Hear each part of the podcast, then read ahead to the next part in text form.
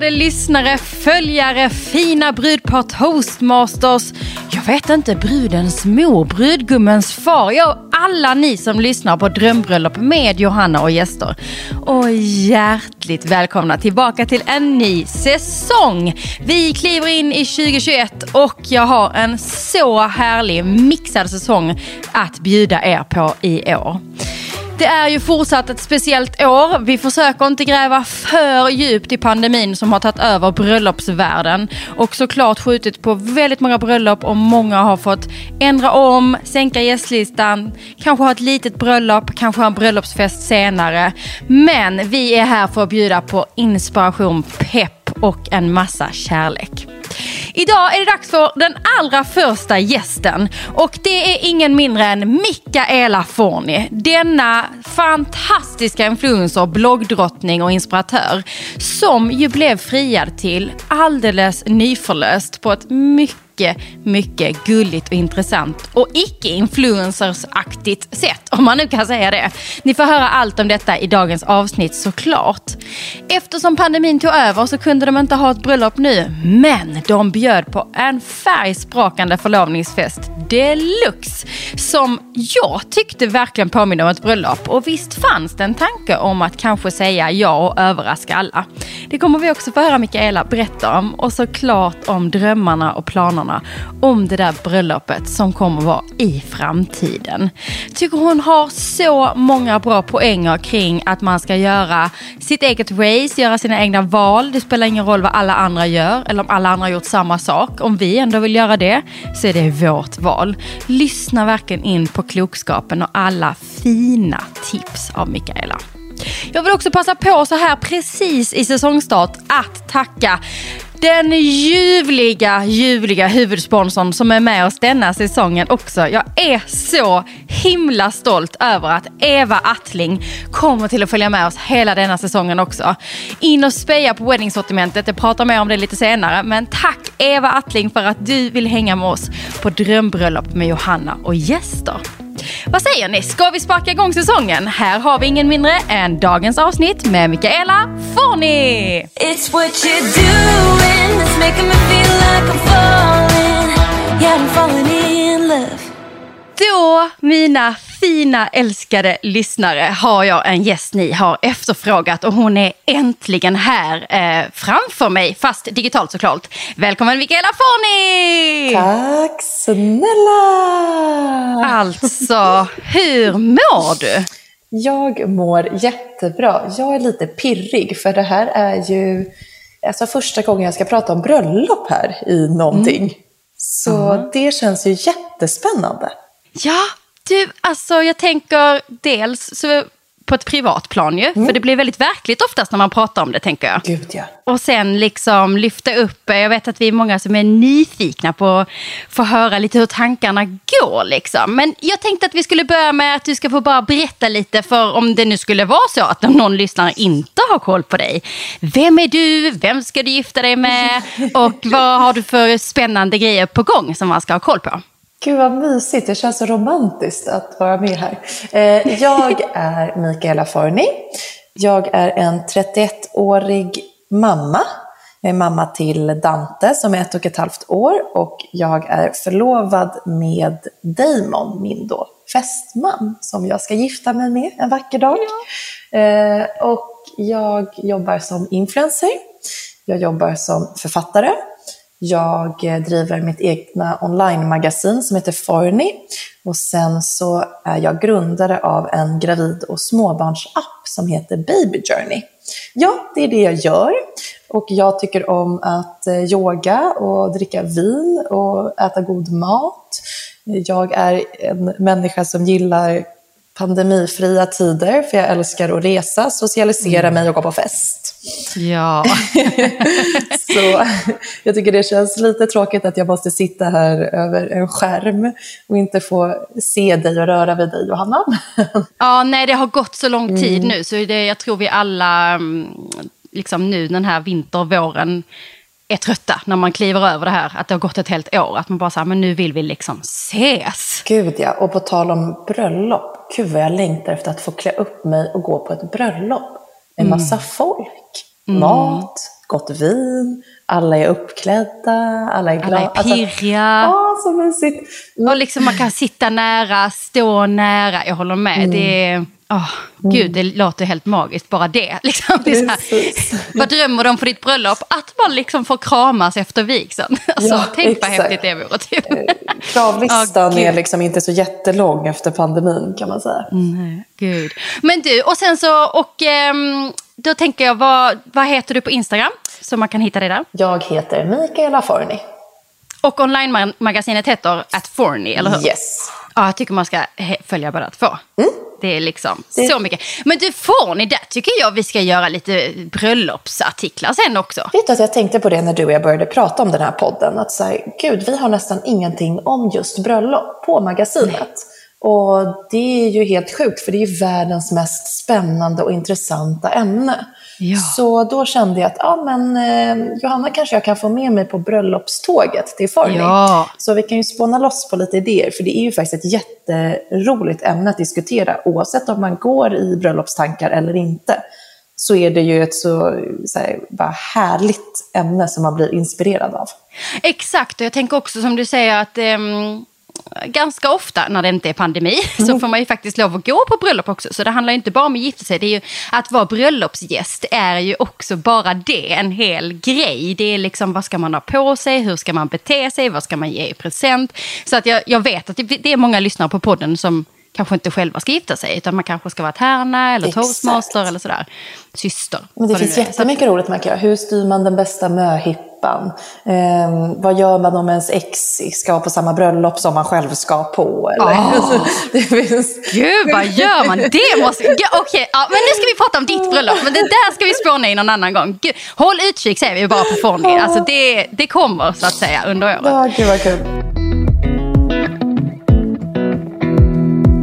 Kan vi bara mm, börja lite vid den här förlovningen och hur den gick till? För det är ju så gulligt. Så att, kan du inte bara berätta? Misstänkte du något? Vad hände? Berätta för oss. Ja, alltså eh, jag och Damon har alltid sagt att vi vill ha barn innan vi gifter och förlovar oss. Eh, för jag själv, jag minns mina föräldrars bröllop, för jag var med på det, mina föräldrars bröllop och då var jag ungefär sex år. Och eh, det är ett av de finaste minnena jag har från min barndom när jag är med och dansar med mamma och pappa och alla är uppklädda och det är så fint och härligt. Så jag har alltid sagt till Damon att eh, jag vill så gärna att vi skaffar barn först, för familj har varit det som har varit så viktigast för mig. Och jag tycker att det känns liksom så mysigt och härligt med tanken på att ha sitt eller sina barn med på bröllopet. Så eh, jag visste ju att han inte kommer fria innan barn, för att det är det vi själva har pratat om och bestämt. Liksom. Men jag trodde ju inte att han skulle gå fria sex veckor efter att vi fick barn. Det var liksom väldigt tajt på. Vilket var så himla gulligt, för jag kände lite så här, oj, du ville verkligen göra det här. Åh, nu har han väntat. Han bara, Ja. nu är barnet här. Ja, nu händer det. precis. Jag tänkte att men han kanske friar liksom något år efter. Men så här, sex veckor, äh, det var sån himla chock. Och eh, jag, alltså jag förväntade mig ingenting. Jag hade ingen aning. Det fanns inte, alltså för mig fanns det inte på världskartan att han skulle fria när han friade. Eh, både liksom i perioden av vårt liv. Så här, nej, jag trodde inte att han skulle fria direkt efter Dante kom. Men också så här, dagen, tiden och sättet han friade på var också att så här, det var helt omöjligt att förutspå att det skulle ske. Vilket jag tror också var lite hans plan. Att han ville nog så verkligen överraska mig. Och att det skulle vara så här, den totala överraskningen. Så jag tror att han hade funderat mycket på att så här, hur kan jag chocka henne så mycket som möjligt. Det är in, den ingångsläget. Liksom. Ja. Precis. Så Dante kom i juli 2019. Och eh, i första veckan i september, så när Dante var typ sex veckor prick, så kommer Damon hem från jobbet. Det är en helt vanlig måndag. Och eh, jag säger att oh, gud, jag är så sugen på hamburgare. Kan vi inte bara strunta i att laga middag och äta hamburgare? Nu har jag varit hemma med den här sex veckors bebisen som har haft så ont i magen. Han har bara skrikit hela dagen. Jag har så här försökt gå ut med honom i vagnen, det gick inte. Jag försökte gå ut med honom i bärsele. Jag minns att det enda som funkade, det var om jag så galopperade med honom i bärselen ute. Så jag gick så runt vårt kvarter, galopperande, så här, studsandes med Dante i bärselen. För att det var det enda som kunde få honom lite lugn. Så när Damon kom var jag lite på bristningsgränsen. Och så sa jag att ta honom, jag måste få gå upp, jag går och hämtar hamburgarna, jag måste få 30 minuter liksom, bara i lugn och ro. Mm. Så jag sätter på musik och så går jag upp och hämtar de här uh, burgarna och så går jag tillbaka ner igen och då kände jag så här, gud vad skönt att bara få den här lilla pausen. Jag hade liksom fettigt hår, jag var osminkad, jag var typ grå i ansiktet av trötthet eh, och så här bara allmänt helt slut. Och när jag går upp för trapporna på väg upp mot lägenheten, då hör jag Dante skrika. Oh. Och du vet, så här, mamma-instinkterna när man har ett spädbarn. Du vet, jag hann knappt, när jag, hade, när jag öppnade ytterdörren, då var liksom bröstet redan framme i stort sett. Oh. För att jag bara, han måste amma. Eh, så jag springer in och säger bara, var är han? Och Damon säger, han ligger på sängen. Och jag säger Damon är också stressad såklart, för att han skriker. Och jag kommer in och så tar jag upp honom. Och jag bara, vad har han på sig? Och då tänker jag, men gud, han kräkts, han bajsat ner sig, mm. vad har mm. hänt? För att han hade bytt om. Men då har han på sig en ljusblå body. Och på bodyn så står det, ehm, Mommy, will you marry my daddy? och jag ser det här och bara, va? Och här, försökte koppla samtidigt som jag tänker så här, är han okej? Okay? Varför han bytt alltså, vet, Jag fattar inte. Vet, det, på något sätt är det ju så här, barnet först i alla ja. lägen. Är han, är han fortfarande ledsen då? Nej, alltså då när jag tar upp honom och börjar liksom vagga honom, då tyst, tystnar han. Så jag liksom tittar... Gud, jag vilka tankar! Bara, är det ett skämt? Mår du bra? Ska, ska, ska du am, amma? Eller vad, vad händer? Det var lite tanken, så är det här ett prank? Eller har vi fått, alltså jag tänkte så här, har vi fått den här bodyn i ett bud? Typ? Ja, men, ja. är det här något influencerutskick av något slag? så många tankar på så lite tid. Ett drömbröllop som ska göra en ny säsong och skickar ut bodys till alla spädbarn. Fan prank! Och gud, nu bara får jag visioner av vad jag ska göra när du väl gifter dig. Jag ska pranka dig hela vägen fram. Gud vad kul. Ja, så roligt. Så jag tar upp Dante och liksom tittar ner på honom. Och bara, nej men vad är det här? Och då vänder jag mig om för att gå tillbaka till Damon som liksom kommer efter mig in i sovrummet. Och när jag vänder mig om så har Damon då gått ner på knä. Och jag bara, är det här på riktigt typ? Och då håller han då ett eh, tal men han är ju såklart också stressad för Dante liksom, han skriker ju ändå lite, lite till och från. det är mycket som händer. Så det är lite skrik, det är något tal.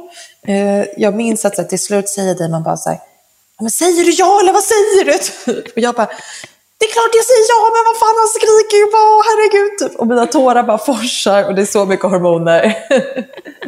och sen så säger jag ja, jag får ringen på mig. Det är den absolut vackraste ringen jag sett i hela mitt liv, så jag hamnar i chock när jag får se den här ringen. Och till slut slutar Dante gråta och han får äta. Och sen liksom sätter vi oss vid matbordet och Dante ligger i sitt babynest precis bredvid. Vi sitter och äter de här hamburgarna, tittar på varandra och bara, fan, jag bara, har vi precis förlovat oss? Jag bara, det är så sjukt. Men jag tyckte att det var så fint för att i det här talet så sa Damon, jag minns jag inte exakt eftersom det var en kaotisk stund, men någonting om att, så här, ja, men, att han valde att fria till mig i det sammanhanget för att det är i det som han ja, men älskar mig och oss och det vi har tillsammans och vår familj och det vi håller på att bygga upp i vårt liv. Och även om det blev så här, den bilden vi har tagit när han precis har friat, vet, jag är så ful på den bilden. Dante bara gallskriker, vet, det är kaos. Alla svettas och alla är röda i ansiktet. Och så här. så det är så här, ingenting såg ut så som jag trodde att mitt frieri skulle se ut. Mm. Men när jag var i den stunden så kände jag så här, gud vad fint att en människa väljer mig som sin människa. När jag mm. känner mig som mitt absolut sämsta jag på något sätt. Mm. Alltså när jag är jag gillar att vara fräsch till exempel och när man får barn så inser man att gud, att vara fräsch är typ det svåraste som finns. ja. Och så jag gillar att ha liksom, tvättat hår, en sån basic självklarhet kanske för många, men inte när man har fått barn. Alltså mycket sånt som jag bara, men gud, du väljer liksom mig nu. Mm. Oj, du måste verkligen tycka om mig. Mm. Och det var så himla fint att bli vald. Eh, och att han gjorde det mest romantiska och största man kan göra till någon när det kommer till kärlek, det valde han att göra i det sammanhanget.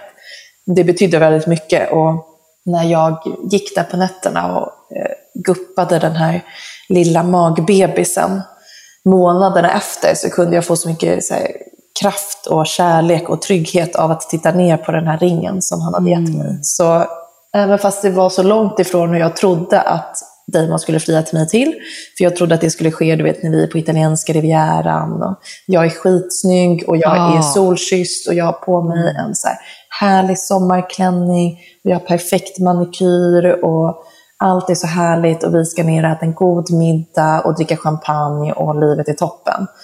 Mm. Och det blev liksom inte det, men i slutändan så var jag så tacksam för sättet det blev på. För att det, jag tror att det gav mig den där extra kraften jag behövde som nybliven mamma. Och det där är ju så fint, för det där är ju riktiga livet. Det är mm. klart att det är riktigt liv när ni är i Italien och du eh, har din fina klänning och klackar. Och, det är ett Gud, levande ja. ljus och ljuvligt överallt. Det är också riktigt liv, men eh, det är inte vardagen ju, utan Precis. det är guldkanten. Och eh, ett äktenskap som man ju ska ingå när man eh, gifter sig, det är ju mest vardag och mest det, det där hemma. Liksom. Så. Det, jag håller med dig, det är, det är otroligt. Och det, det här är en rädsla som jag lite um, har haft sen sociala medier blev så stort mm. med både, framförallt Instagram och Pinterest som ju är mycket bildinspirationskällor mm. som är, är mycket i bröllopsbranschen. Att man mer och mer bygger upp en liten ja, men den här bilden av hur det ska vara, den här filmiska, Precis. filmiska frieriet, filmiska möhippan, filmiska momentet när man ska prova klänningen.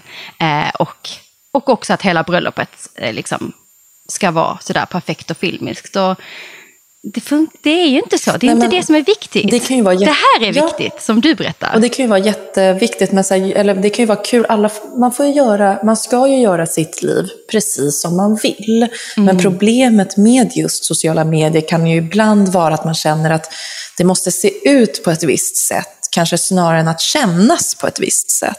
Exakt. Och då förlorar man ju lite av skärmen. Och Damon som faktiskt är eh, lever med en offentlig person, eh, mm. fast han själv inte är en del av offentligheten. Så jag är ändå glad att han vågade göra någonting på sitt sätt och mm. inte tänkte för mycket på vad som skulle passa liksom, på min Instagram och göra det i ett tillfälle där det skulle kännas perfekt, eh, bildligt. Liksom.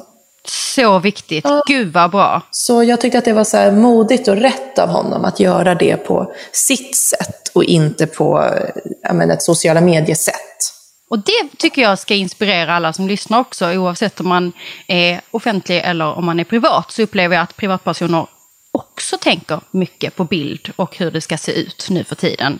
Um, Precis. Jag tyckte man och såg missar det, känslan. Och det är inte bara bröllop. Jag tyckte man såg det jättemycket nu sen när det var alla hjärtans dag i år. Mm. Att så här, det blev nästan som att alla hjärtans dag blev som en ny sorts pandemi på sociala medier där alla skulle lägga upp hur romantiskt det var och hur härligt det var och hur bortskämd man blir eller hur mm. bra man har det. Och så blir det så här, ja men gör man det för sin skull? Mm. Eller gör man det för att visa alla andra att vi är också jättekära och jag har också mm. någon att fira alla hjärtans dag med. Och där tror jag att det är viktigt att om man vill köpa rosor, öppna en flaska champagne och äta ostron på alla hjärtans dag, men då ska man ju göra det. Lägg upp det, visa hur härligt du har det. Men om mm. du egentligen vill ligga i soffan och äta smågodis och inte prata med varandra, men du försöker liksom mm kasta lite rosenblad runt om dig i lägenheten för att du ska lägga upp någon Insta-story. nej, då är det inte bra. Alltså, man måste få göra saker som, som man själv vill och inte mm. för att passa in.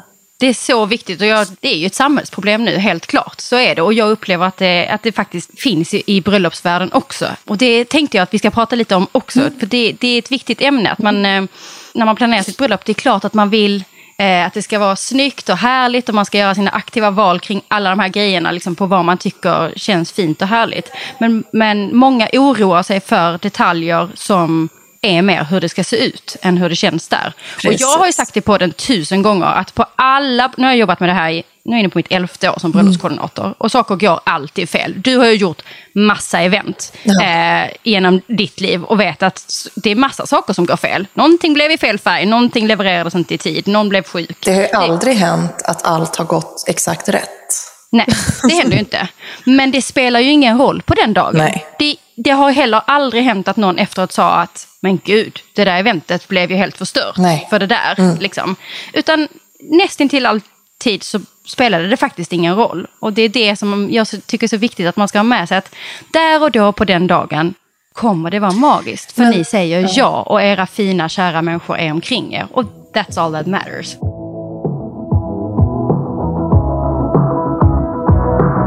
Då var du förlovad mm. och vaggade bebis mm. och allt det här.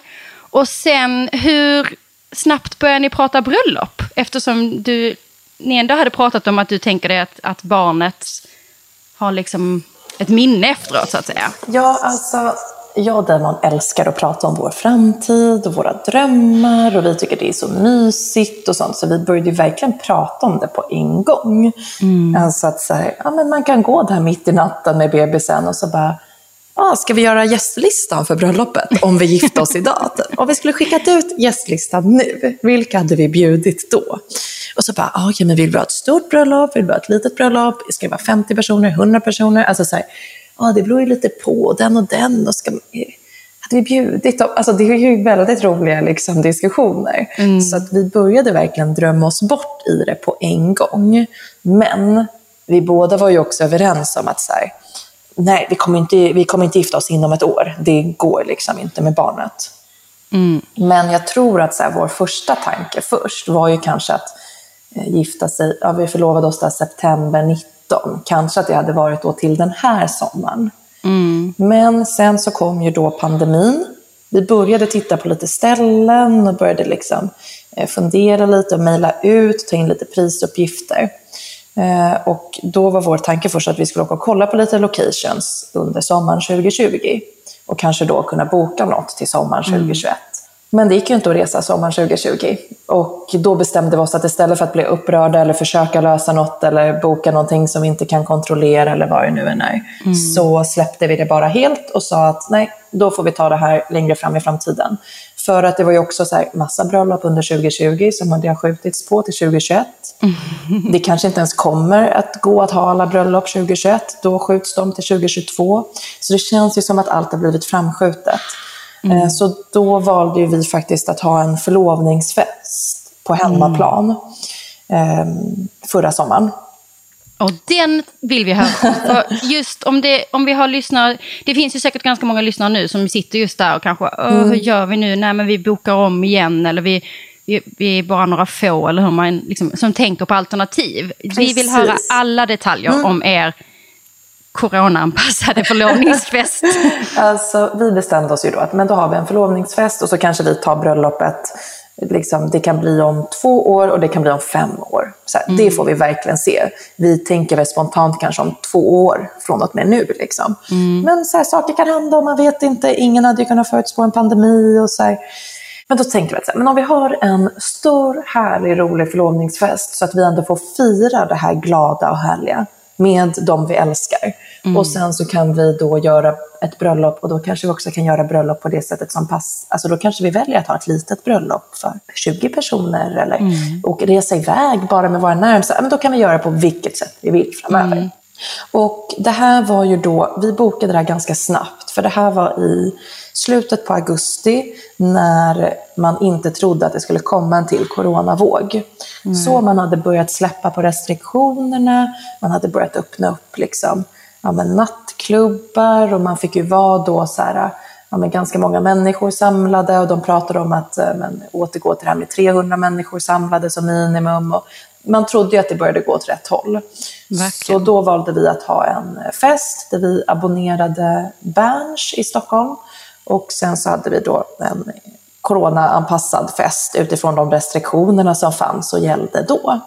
Mm. Och då bjöd vi alla våra glada, härliga kompisar och så hade vi bara en superrolig, härlig kväll med massa sittdans. Vi hade skrivit ut sittdanshäften eftersom att man inte fick stå och dansa. Och ja, men bara så bjöd på, la väldigt mycket krut på liksom god mat, god dryck, härliga drinkar, så här, skitbra musik.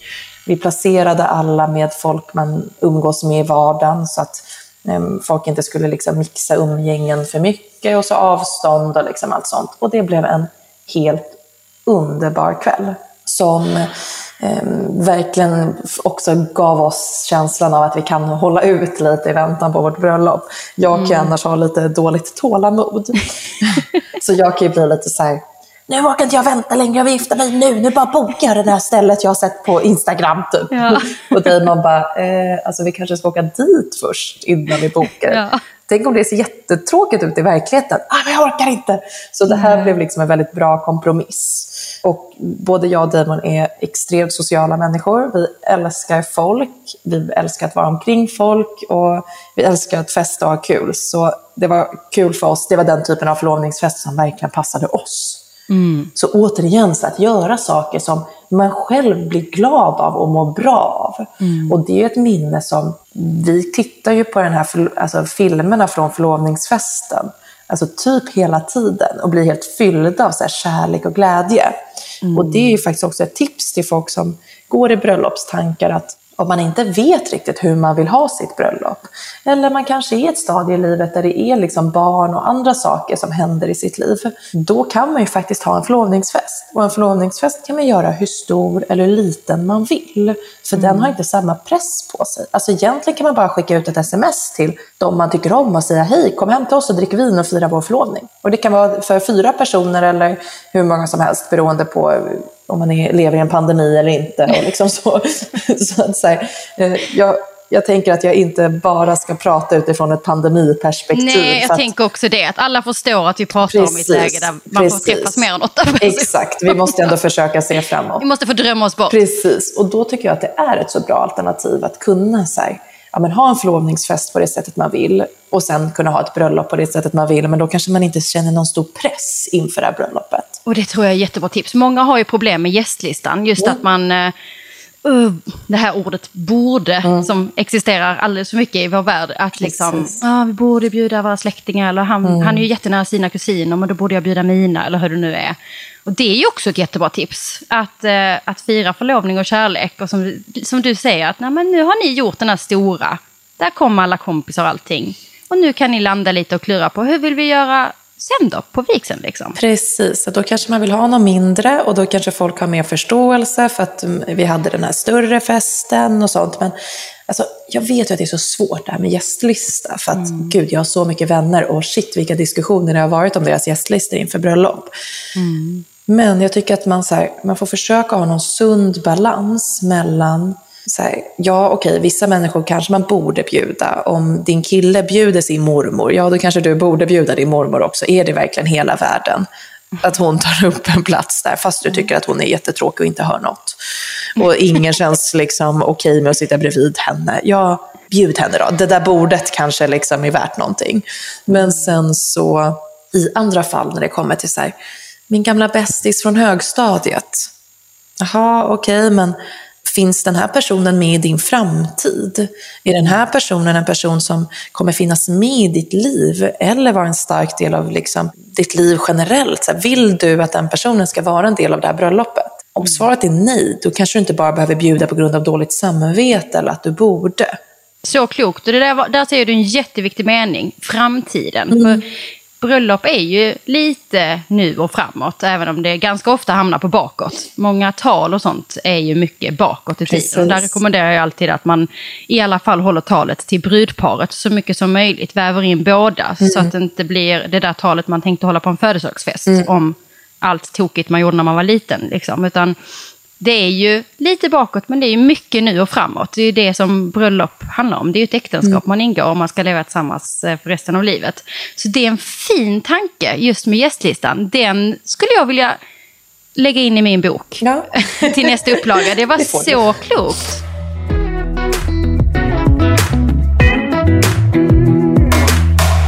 Och lite så här mitt i avsnittet så vill man ge Mikaela och alla er andra ett supertips som är på jakt efter vigselringen nu när det är dags att köpa den. Och då vill jag såklart prata om vår fantastiska huvudsponsor som är med oss även i år. Eva Attling, de har ju ett stort weddingsortiment och det finns både ringar i rött guld, vitt guld och nyheten att det faktiskt finns en stor del av vigselringarna och eh, alliansringarna i silver. Detta är ju dels för att vissa människor är silverfantaster och såklart så blir det ett litet eh, billigare pris på de ringarna om man skulle vara ute efter det. Så in på evaattling.com och spana på hela weddingsortimentet.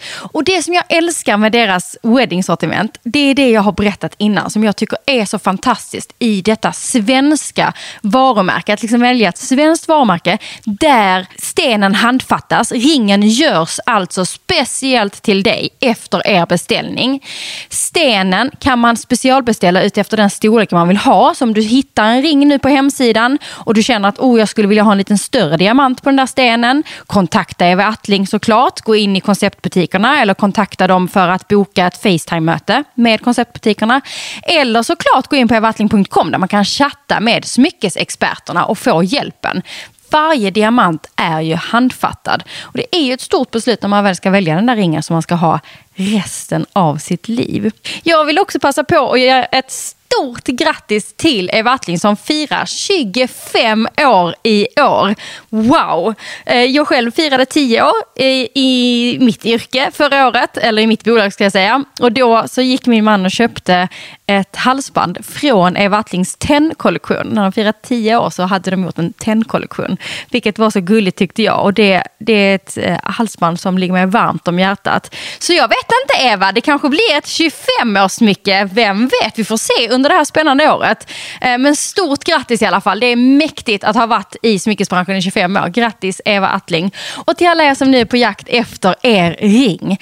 Gå in på evaattling.com och speja på hela deras wedding-sortiment. För även om det är osäkra tider så säger Eva Attling You can't cancel love. Och det har hon ju helt rätt i. Tusen tack för att ni är med och sponsrar Drömbröllop med Johanna och gäster.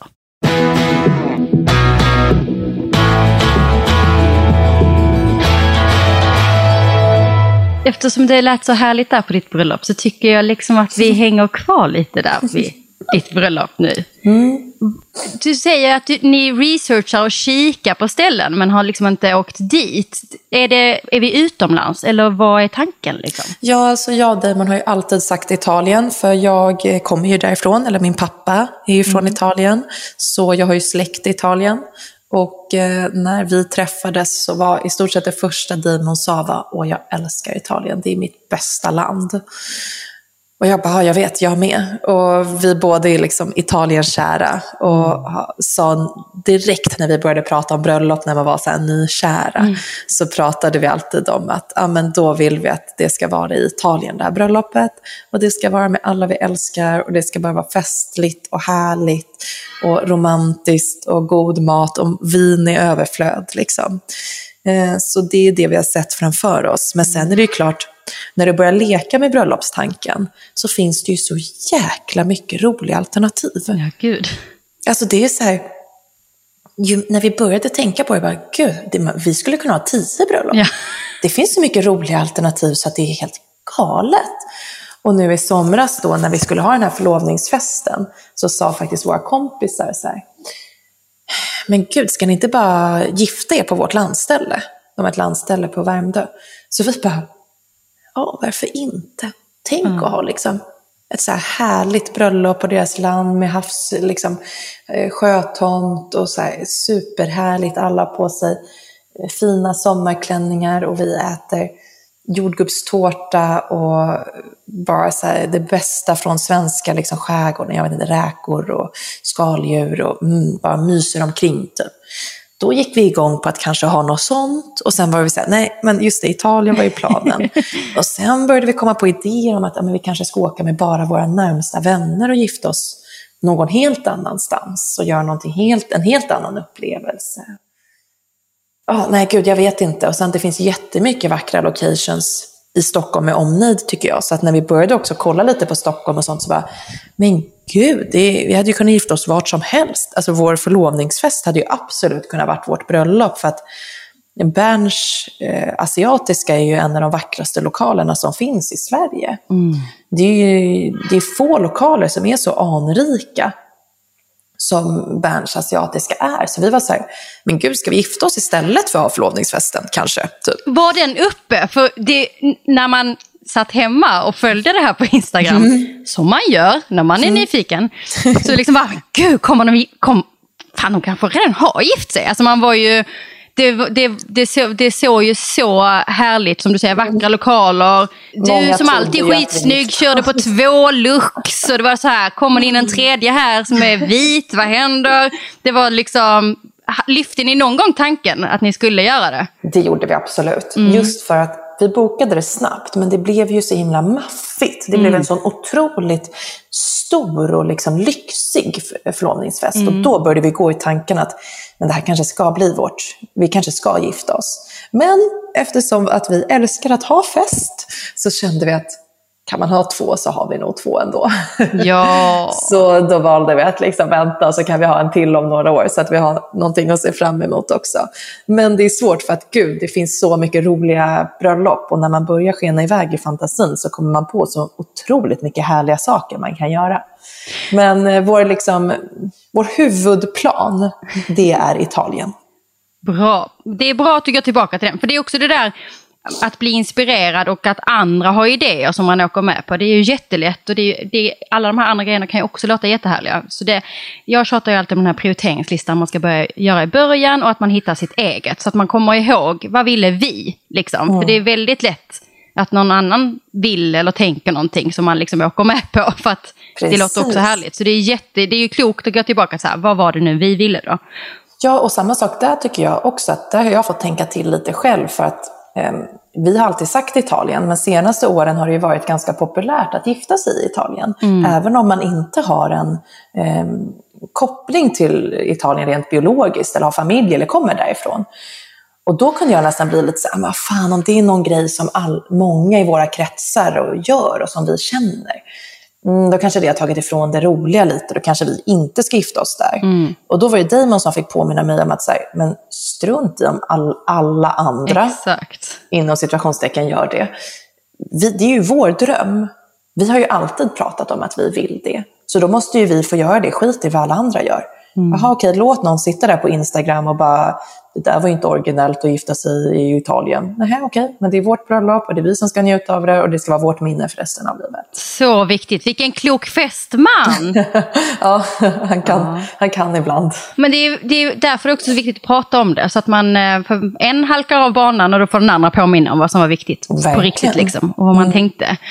Och är du liksom, hur, är, hur är du och ni i, för ni har ju planerat saker ihop tänker jag, mm. så ni, det, ni vet ju hur ni funkar i projektplanering. Mm. Hur är du i så här beslut och i valmöjligheter? För det är ju oändligt många val som eh, man kan göra och, och ska göra. Är du liksom velig? Ändrar du dig längs vägen? Hur funkar den planeringsprocessen? Nej. Jag, är, alltså, jag och Damon är raka motsatser när det kommer till projektplanering. Eh, det är därför vi ofta ryker ihop i de sammanhangen. Mm. Jag är ju, eh, jag går mycket på intuition och magkänsla. Mm. Om jag ser någonting jag gillar eller som känns rätt, eller säger att det ska vara så här, ah, vi ska välja liksom, eh, porslin till middagen. Mm. Och här är eh, fem olika alternativ på porslinet vi kan hyra in. Jag tittar på dem, jag känner in, jag försöker tänka, vad är moodboarden, vad har vi liksom gått igenom? Och sen går jag bara på magkänsla. Jo, jag blir glad av att se det här porslinet, så jag väljer det. Mm. Och sen tänker inte jag mer på porslinet, alltså sen släpper jag Då var det färdigt, det beslutet. Mm. Medans eh, Damon kanske snarare vill tänka efter att okej, okay, men om vi tar här, de här tallrikarna och sånt. Har vi pratat om vilka dukar? Vad valde vi för blommor? Vad ska vi ha för upplägg? Eh, passar verkligen det här i den miljön vi har bestämt att vi ska ha det i? Eh, okej, okay, vi ska ju äta det här och det här. Passar det här porslinet till? Han vill kanske se till liksom det stora hela. Och jag tror att han är mycket mer, han är mycket mer mån om att allt ska bli så perfekt som möjligt. Mm. Medan jag ute efter en känsla. Men heller inte typ överarbetar saker för att jag har inte riktigt utrymme för det rent mentalt. Alltså jag Nej. orkar liksom inte tänka så mycket på så många beslut. Speciellt inte när det ska tas så många. Mm. och det är ju många. Så att... Ja, för nu har jag till exempel eh, flyttat in i ett nytt kontor som är väldigt stort. Eh, så det är en så våning på 200 kvadrat. Och då är det ju väldigt mycket möbler som ska inhandlas i det här kontoret. Mm. Och ju mer jag började tänka på möblerna, desto svårare och tråkigare kändes det att flytta in. Ja. För att jag kände att så här, men gud, kommer det där verkligen bli rätt matbord? Och tänk om jag köper det så blir det fel. Och jag väntar. Alltså, och till slut sitter man där utan några möbler alls. Och sen med vissa möbler som man inte ens vet om det kommer bli bra eller inte. Och det är lite som med bröllop också, så det är väldigt mycket beslut och man vill väldigt gärna att allt ska klaffa. Men man kanske också bara ska ha lite tillit till ens magkänsla och till att det gör ingenting om du ångrar dig på mm. någonting. Mm. Eller så okej, okay, den, den andra duken hade kanske blivit lite bättre. Ah, ja, whatever. Nu blev det den här duken, mm. det är mm. inte hela världen. Och sen så tror jag också på att jobba med någon som hjälper en att planera projekten, alltså mm. en sån som du. Liksom.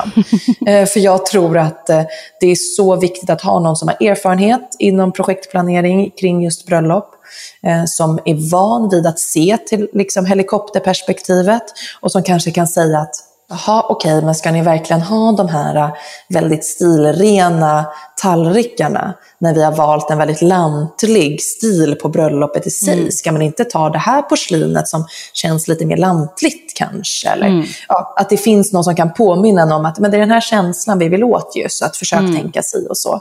Mm. Och jag har också sjukt mycket Alltså, min, mitt lifehack det är att alltid omge sig med folk som är skitduktiga på det de gör. Mm. För om man omger sig med sådana människor, då kan man bara avsätta sig ansvar och låta dem göra det de är bäst på och så brukar allting bli jättebra. Så bra. Det är svårt om man själv är perfektionist eller kontrollfreak eller bridezilla. Eller liksom då, vissa tycker det är läskigt att och släppa kontrollen. Men jag tror som du att det viktiga är liksom att, man, att man själv har valt de här människorna och att, man, att de är experter på det de gör. Att det är det man har tillit till i så fall. Att de gör inte val för deras skull, utan allting handlar ju om för din skull hela tiden. Precis. Det är väl ett jättebra lifehack. Mm. Och det där med magkänsla låter, det låter ju liksom tryggt. Men du nämnde att ni ryker ihop ibland. liksom. Och det tror jag också många har en bild av att, att planera bröllop är bara romantiskt. Det finns inget tjafs och bråk. Det är fluffigt att dricka champagne. Och... Men det känns som att du är lite realistisk hur den här planeringsresan kommer att gå till för er, eller? Eh, ja, jag är väldigt realistisk. Och så, så här, jag vill planera någonting jätteromantiskt. Men jag och Damon har varit som katt och råtta sedan vi blev ihop. Det är en del av vår personlighet. Vi har mm. extremt starka personligheter.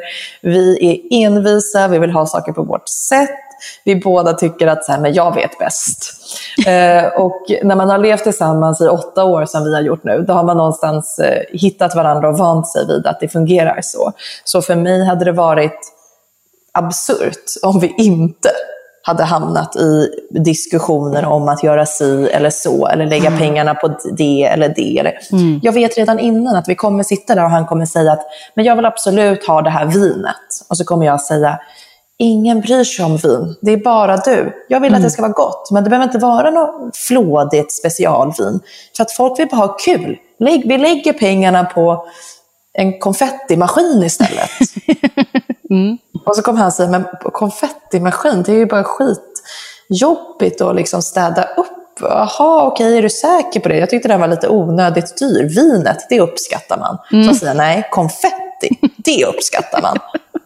Och så har vi en förhandling. Ja, precis. Det är en del i yrket som koordinator också, att, att äh, hjälpa till i det där förhållandet och vägleda och sånt. Så det, det, det ja, låter... och det är väldigt bra att ha en sån, för då kan han och jag säga så här, vad tycker du? Vad tycker, tror du kommer bli bäst för våra gäster? Ja, och så kanske du säger att jo, nej, men konfettimaskinen kommer höja stämningen. Alltså, då... det är klart jag säger det, det förstår ju vem som helst. och då säger, det förstår vem som helst, precis. Och då säger han så här, ja okej, ja, men då får jag lägga mig i det här, då blir det konfettimaskinen. Det här är så kul att du säger det. För att jag, liksom, när jag börjar med brudpar så är det väldigt, väldigt viktigt att båda två känner sig sedda och hörda. Och det är ju det mm. som som jag försöker påminna många om, oavsett om man har en koordinator eller man planerar själv. Att, mm. eh, att, att båda blir sedda och hörda, att man känner sig mm. hörd i varför man vill ha någonting eller varför man absolut inte vill ha någonting. Eller sådär. Mm. Det blir så lätt, en vill gifta sig i kyrka, en vill inte. Och så bara fastnar man i det. Nej, men jag, jag tänker inte gifta mig i kyrkan, jag vill inte. Men, men det är så här, kom ihåg att fråga, varför vill du inte det?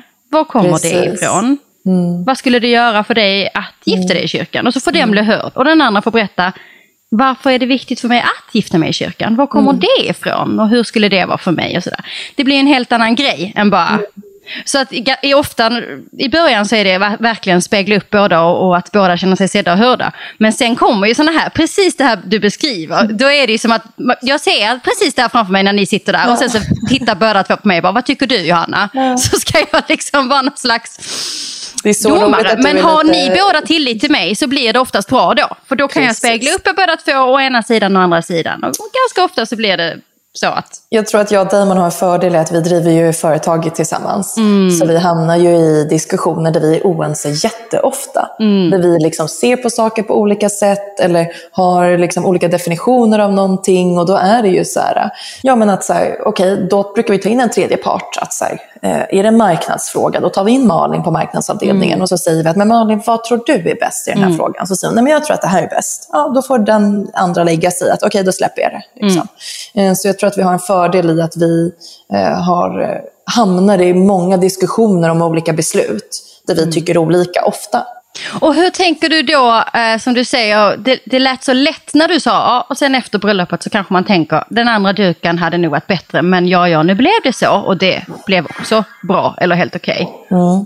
Vad är dina tips och knep för att lära sig att tänka så, både under planeringen och efter? För må många kan liksom fastna i den där tanken efteråt, att störa sig. Och, och även innan får jag säga, att man mm. eh, den här gamla perfektionistgrejen som verkligen kan trängas in när man planerar bröllop. Vad är dina bästa tips och knep för att komma dit, att kunna mm. känna och tänka så? Alltså jag tror att jag har lärt mig det i mitt jobb. Eh, mm. Där det ofta sker saker som kanske inte blir exakt som man har tänkt sig. Eller, alltså som du säger, så här, men jag jobbar ju också med event, så det kan ju vara någonting som går snett. Eller jag håller en föreläsning och så liksom blir det fel punchline i någonting jag vill ha sagt. Eller, liksom, någon räcker upp handen och ställer en fråga och jag blir tagen på sängen och kommer av mig. Eller jag gästar en podd och delar med mig av någonting som jag inte borde delat med mig av. Eller, alltså, det kan ju mm. vara vad som helst. Och det har jag lärt mig att om jag bara grämer mig över sånt här, då äter det upp mig till slut. Det gör inte mig lyckligare. Mm. Utan så här, kan jag förändra den här situationen? Kan jag göra någonting annorlunda? Nej, beslutet är redan fattat. Bröllopet har redan varit. Duken blev fel. Mm. Okej, okay, men är det vackert, kan jag njuta av det här minnet i alla fall? Ja, då får jag göra det. Släpp duken. Och sen är det klart att det finns ju vissa saker som inte riktigt går att släppa. Och då tycker jag faktiskt också att det är okej att vara ledsen och behöva bearbeta och sura eller liksom tycka att någonting är jobbigt. Mm. Alltså säga att um, ja, men jag vet inte, mat och dryck är ju viktigt för mig och Damon. Maten var oätlig, liksom, oätbar på vårt bröllop. Det är klart att jag hade känt att nej, gud vad tråkigt att det inte blev liksom, den jag hade tänkt mig. Eller mm. om någonting i sista sekund blev fel så vi har bestämt en viss typ av mat och så måste det bli någonting annat. Eller så. Det är klart att jag hade kunnat känna att fan, nu har jag målat upp det här och det var viktigt för mig och det blev inte så. Eller jag vet inte, säga att vi har en låt som vi jättegärna vill ja, komma in till, till bröllopsfesten. Mm. Ja, och så råkar DJn sätta på fel låt precis när vi mm. kommer in. Jag vet att jag efter hade känt att gud vad tråkigt, för det här var en stund som jag hade ja, men så visualiserat framför mm. mig länge. Och vad tråkigt att den inte fick bli så som jag hade hoppats. Men ibland kan det också vara skönt att bara så sitta och sura över någonting. För till slut har man ju surat klart. Ja. till slut känner man att jag orkar inte sura över det här längre. Nej, men det, är näst, det är också ett bra tips att faktiskt verkligen gräva ner sig i det ja. på riktigt. Eh, då, om det känns som att det ska. Alltså man, kan, alltså man kan ringa en tjejkompis och bara, jag är så jävla sur för DJn satte på fel låt och vi gick in till den här jäkla pisslåten och jag hade planerat världens mest romantiska intro. Jag skulle göra den här piruetten hade jag föreställt mig och bla bla bla. Fy fan, den här jävla DJn och den jäkla det och det och varför gjort, sa inte bröllopskoordinator någonting? Och mamma och pappa bara satt och log, jag blev så jävla irriterad. Och, och sen spytt ur dig det, då kommer du själv börja garva och känna att okej, okay, det var inte hela världen. Nu, nu kan jag gå vidare. Ja. ja, men jag tror det är jättebra. Pysa ut det liksom. Mm.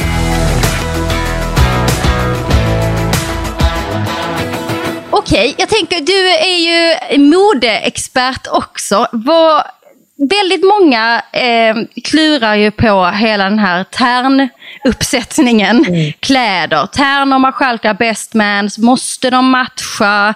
Någon tärna hatar att ha bara axlar, men det, mm. den klänningen jag hittat är bara axlar. Alla de här grejerna där man, många som brud kanske vill bara egentligen bestämma, men man vill också att alla ska vara bekväma. Eller så vill man inte det. Mm. Vad är dina bästa tips i djungeln av kläder till de där hedersgästerna som man ska ha nära sig på bröllopet? Mina bästa tips är faktiskt att låta tärnor få ha på sig det som de känner sig snygga och fina i. Mm.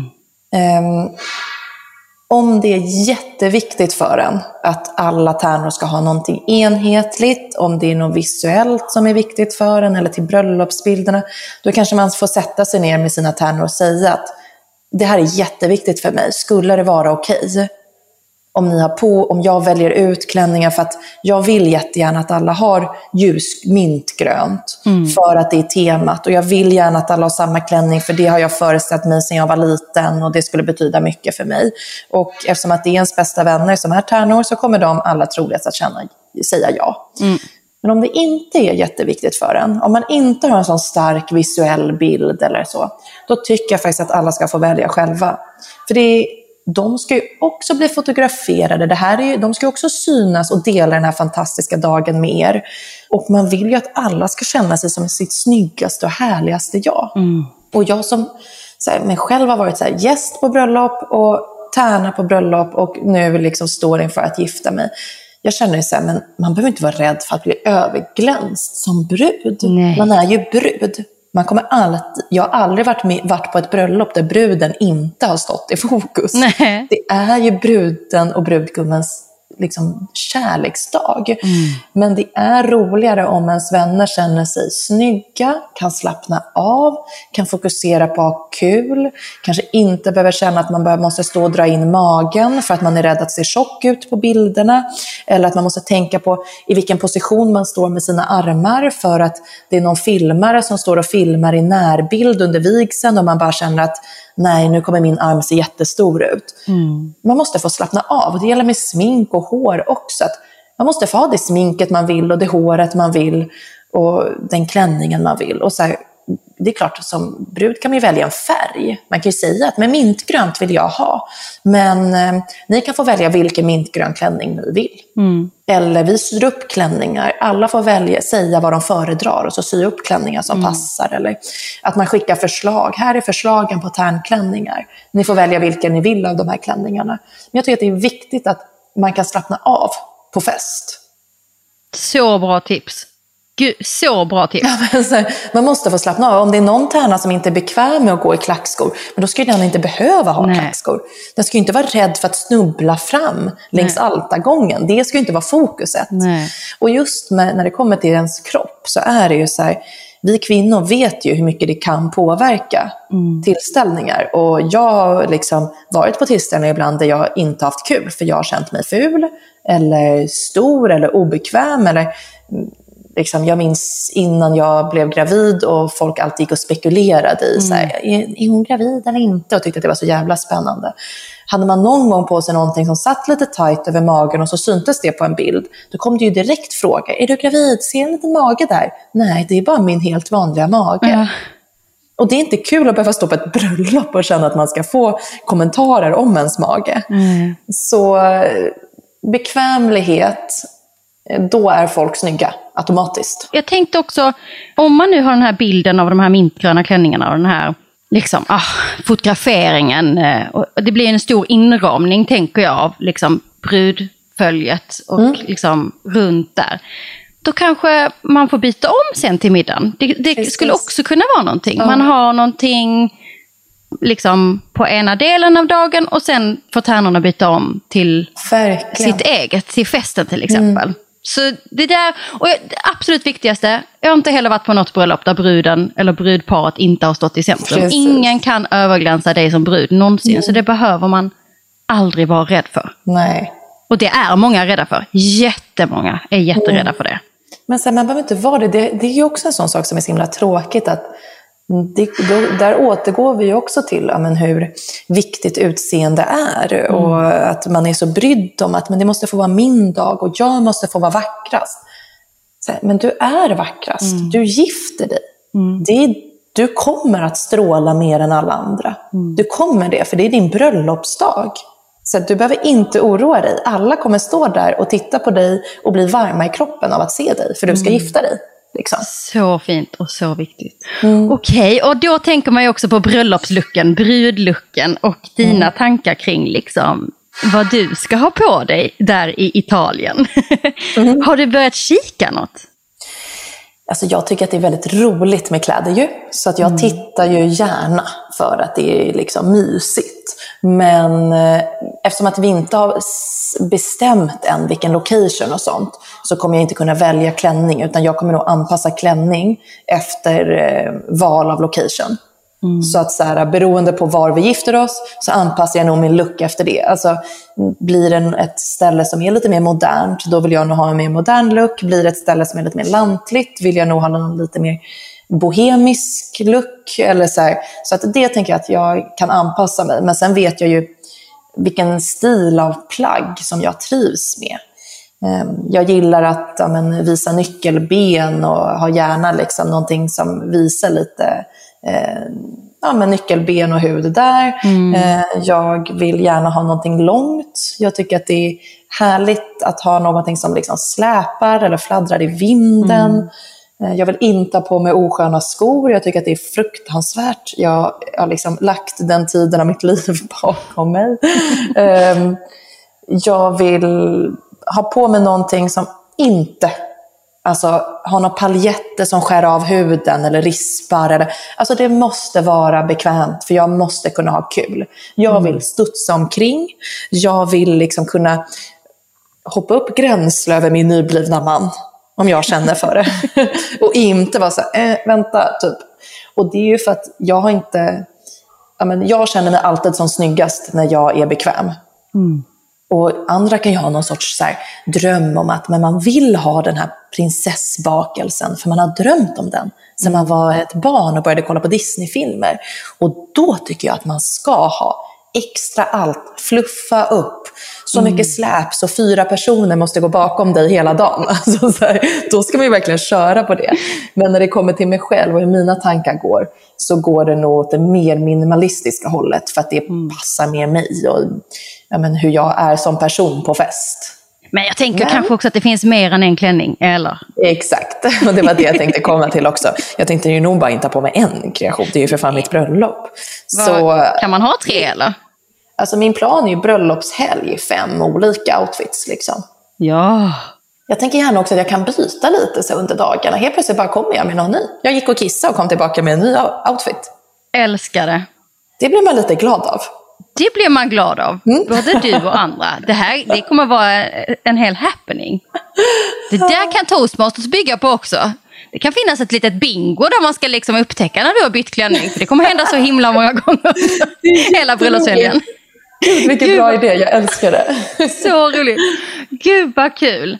Alltså jag är så glad att du gästade och det ska bli så spännande att följa. Vi får styra upp någon bröllopsartikelserie på Forni tänker jag så att man, vi kan tipsa fler om det. Och när det blir mer skarpt läge för dig hoppas vi att vi får följa med lite längs vägen och höra liksom hur tankarna går när det när det är dags. Men jag tycker det är, må, många är osäkra nu i dessa tider och många vet inte. Jag tycker det är väldigt bra tips det där också med att det är så här, att inte stressa fram någonting nu. Om det, mm. om det blev om två år eller om fem år för er, det är liksom, det blir rätt när det blir liksom.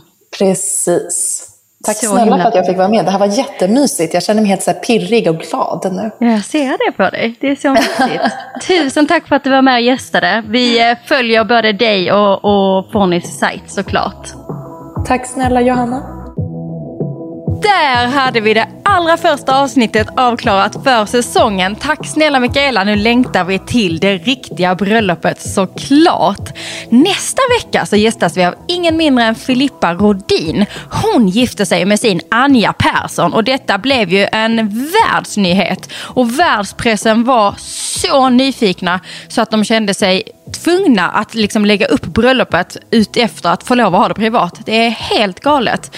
De har inte berättat så mycket om det men här i Drömbröllop med Johanna Gäster så får vi höra allt om hur planeringen tog fart. Allt om hur de jagade rätt på varenda litet porslin.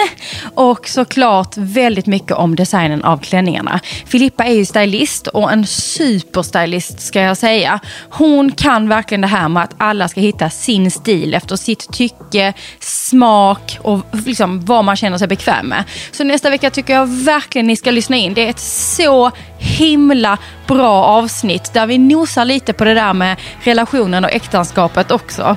Så vi hörs nästa vecka. Ha en magisk dag och ta hand om er. Kärlek!